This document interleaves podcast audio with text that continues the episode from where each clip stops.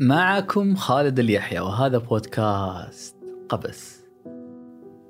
حيث نروي القصص لأن القصص لها نفوذها الخارق في الاستحواذ على حواس الإنسان واستدراجه إلى حيث لا يتوقع. تأخذه بعيدا عن التوتر الذي تعاني منه يومياته. تهبه قلما بمداد من حبر سحري يهذب ضوضاء الواقع. ويجعله لائقا لأن يقترب من سكينة الحلم وبودكاست قبس يأتيكم بكل فخر من منصة معنى وسجل بكل حب في استديوهات مايكس هنا في الرياض المكان الذي ينصب لك فخ البهجة دائما. الفرح هنا ليس عابرا.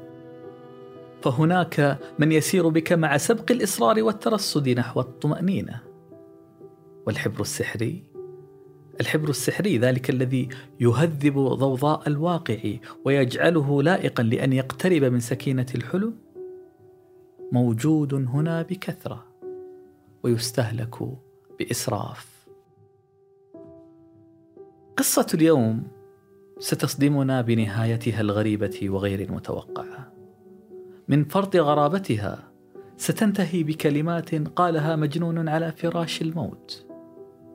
والدهشة لن تتوقف عند النهاية فقط بل حتى الأحداث ستشهد انعطافات حادة وسأضطر فيها أن أقول كلا بالعكس ليس مرة واحدة وإنما مرتين.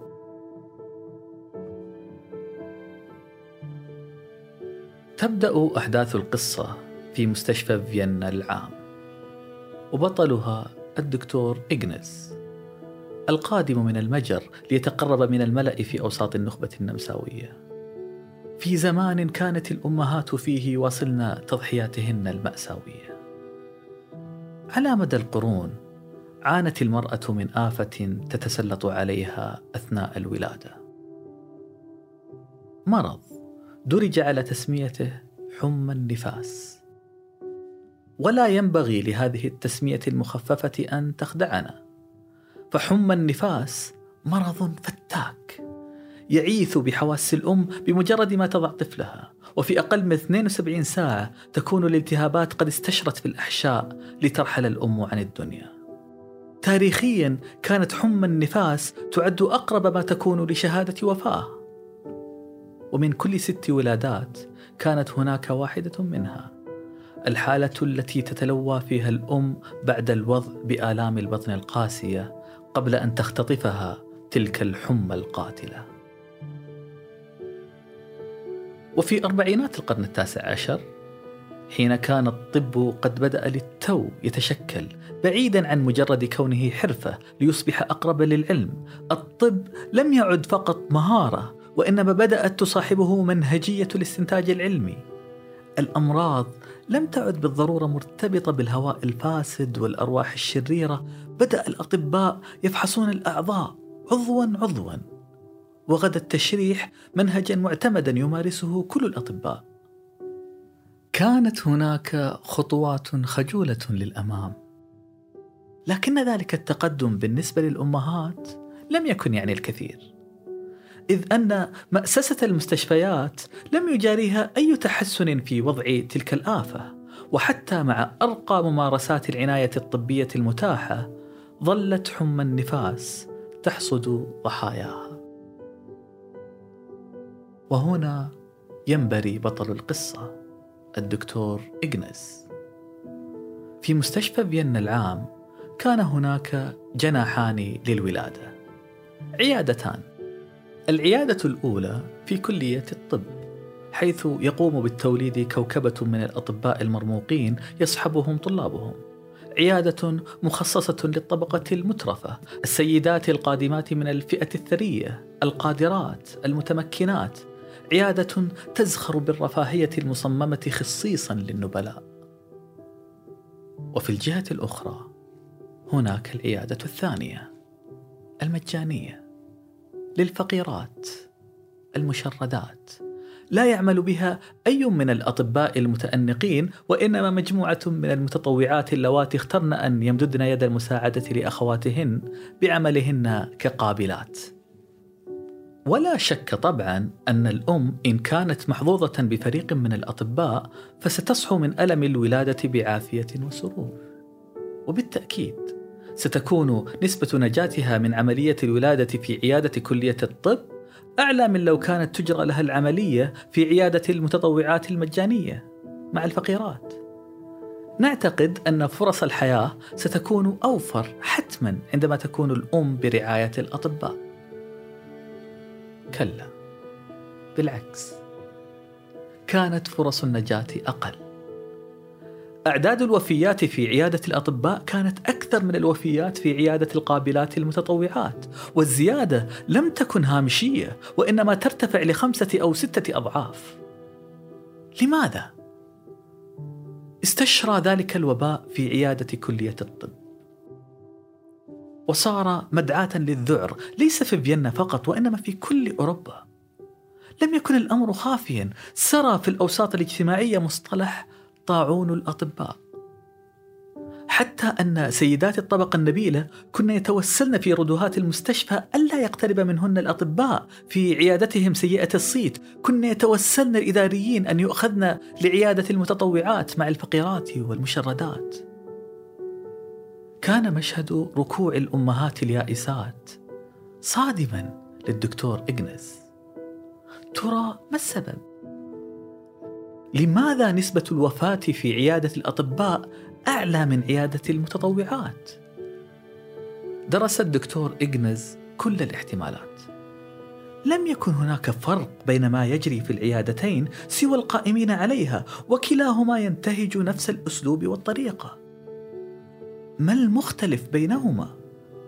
تتبع كل خيط قد يقوده لكشف السر دون جدوى. تحقق حتى من جرس الكاهن الذي كان يعمد الأطفال بعد الولادة. لا شيء. وبعد أن غرق في الحيرة لشهور انتبه. ولمعت فجأة في ذهنه تلك الفكرة الصادمة والمدهشة.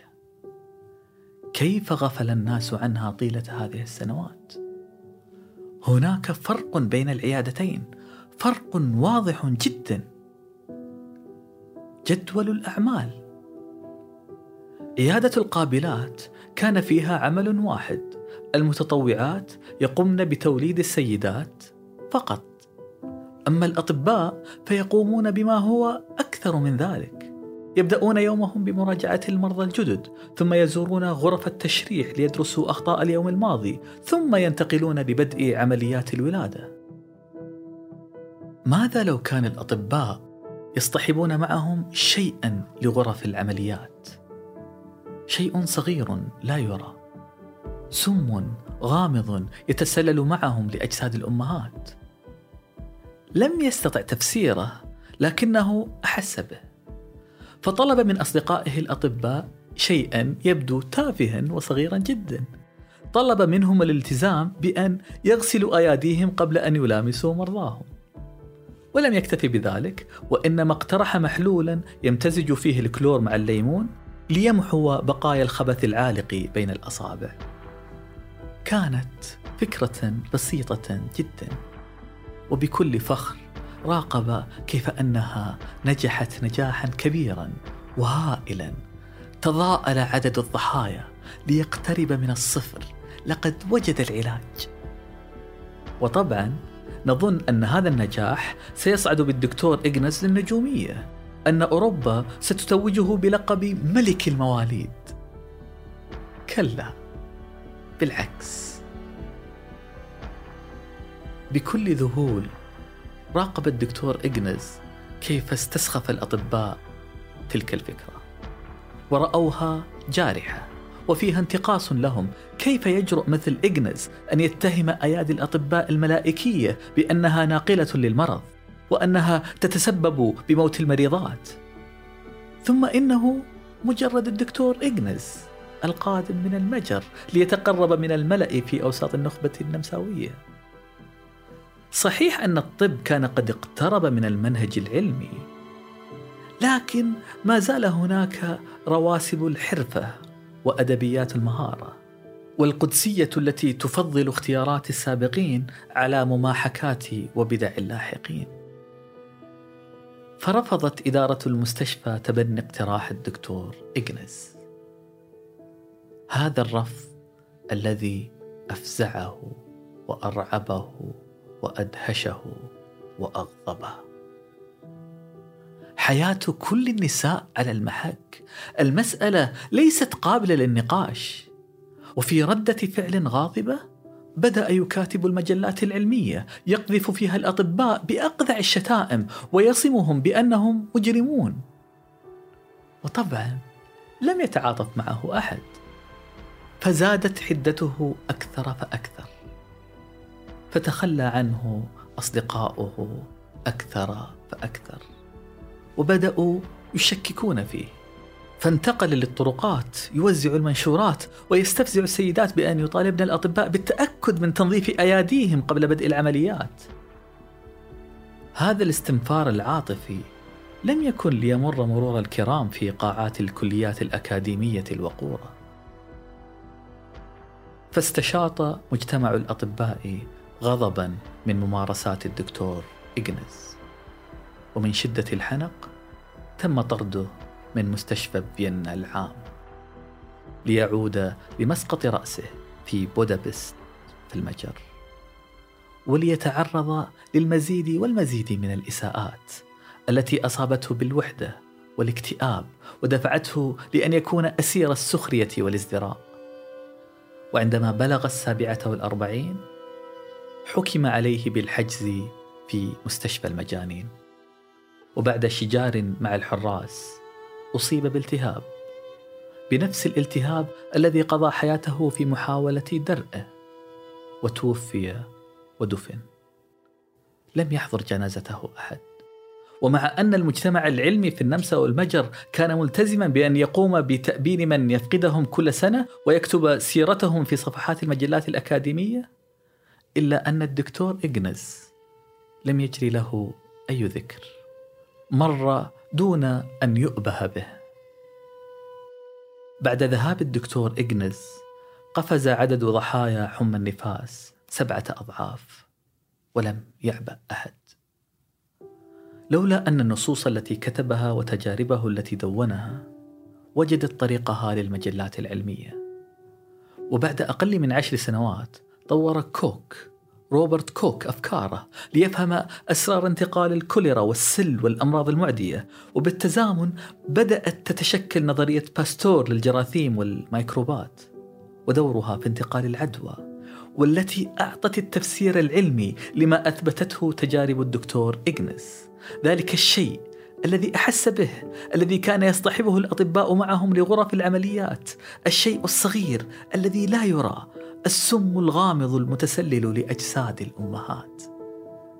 كوك حاز على جائزة نوبل وكذلك باستور وشهد العلم ثورة لا مثيل لها. ومع مرور السنوات تأكد للبشر أن غسل اليدين وتعقيم الأدوات تبقى الوسيلة الأهم على الإطلاق لمكافحة العدوى. والعدوى لم تفهم ابدا بسهولة.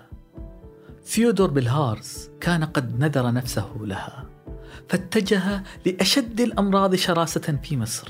ألصق الديدان بجسده وراقب حركتها بأدق التفاصيل وهي تشق طريقها لتغزو كبده. لم يمت بسبب هذه التجربة وإنما مات بعدها في مصر وعمره 37 عاما.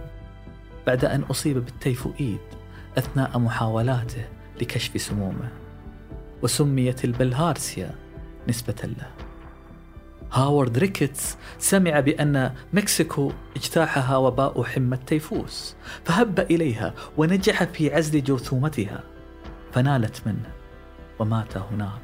صديقه جيسي لازير ذهب لكوبا ليثبت أن الحمى الصفراء يتسبب بها البعوض وأرسل لزوجته أن رحلته لتعقب الجرثومة قد اقتربت من النهاية. وفعلا وصل لها وصل للجرثومة لكنه أصيب بها هناك ومات.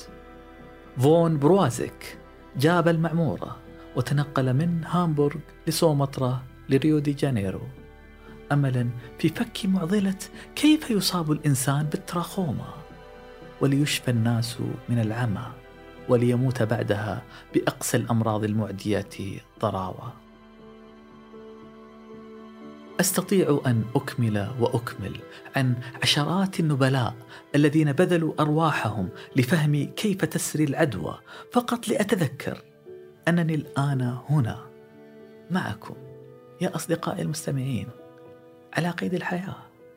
وأننا لم نكن لنصل هنا لولا أن الفريق الطبي الذي جاء بنا لهذه الحياة حرص على أن يتجنب العدوى ويعقم الأدوات في غرف العمليات وأن يغسل يديه بعناية تماما كما كان يتوسل لهم الدكتور إجنز إجنز سيملفايز والذي كان آخر ما كتبه وهو على فراش الموت.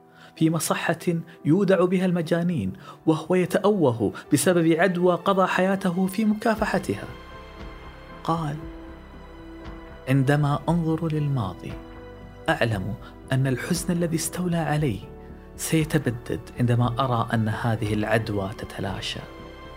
أنا على يقين بذلك وتلك البهجة بذلك اليوم الموعود الذي سيأتي عاجلا أم اجلا هي السبب الذي يجعلني أموت الآن. بسلام. بعد أكثر من مئة سنة من رحيل الدكتور إغنس سيملفايز غير اسم جامعة بودابست للطب ليصبح اسمها الجديد جامعة سيملفايز وأطلق اسمه على أكثر من 500 قاعة في أنحاء العالم. وتتسيد ملامح وجهه الرصينة أكثر من مئة تمثال في أروقة المستشفيات والجامعات والمتاحف وبوصية خالدة لكي تكافح العدوى. اغسل يديك جيداً.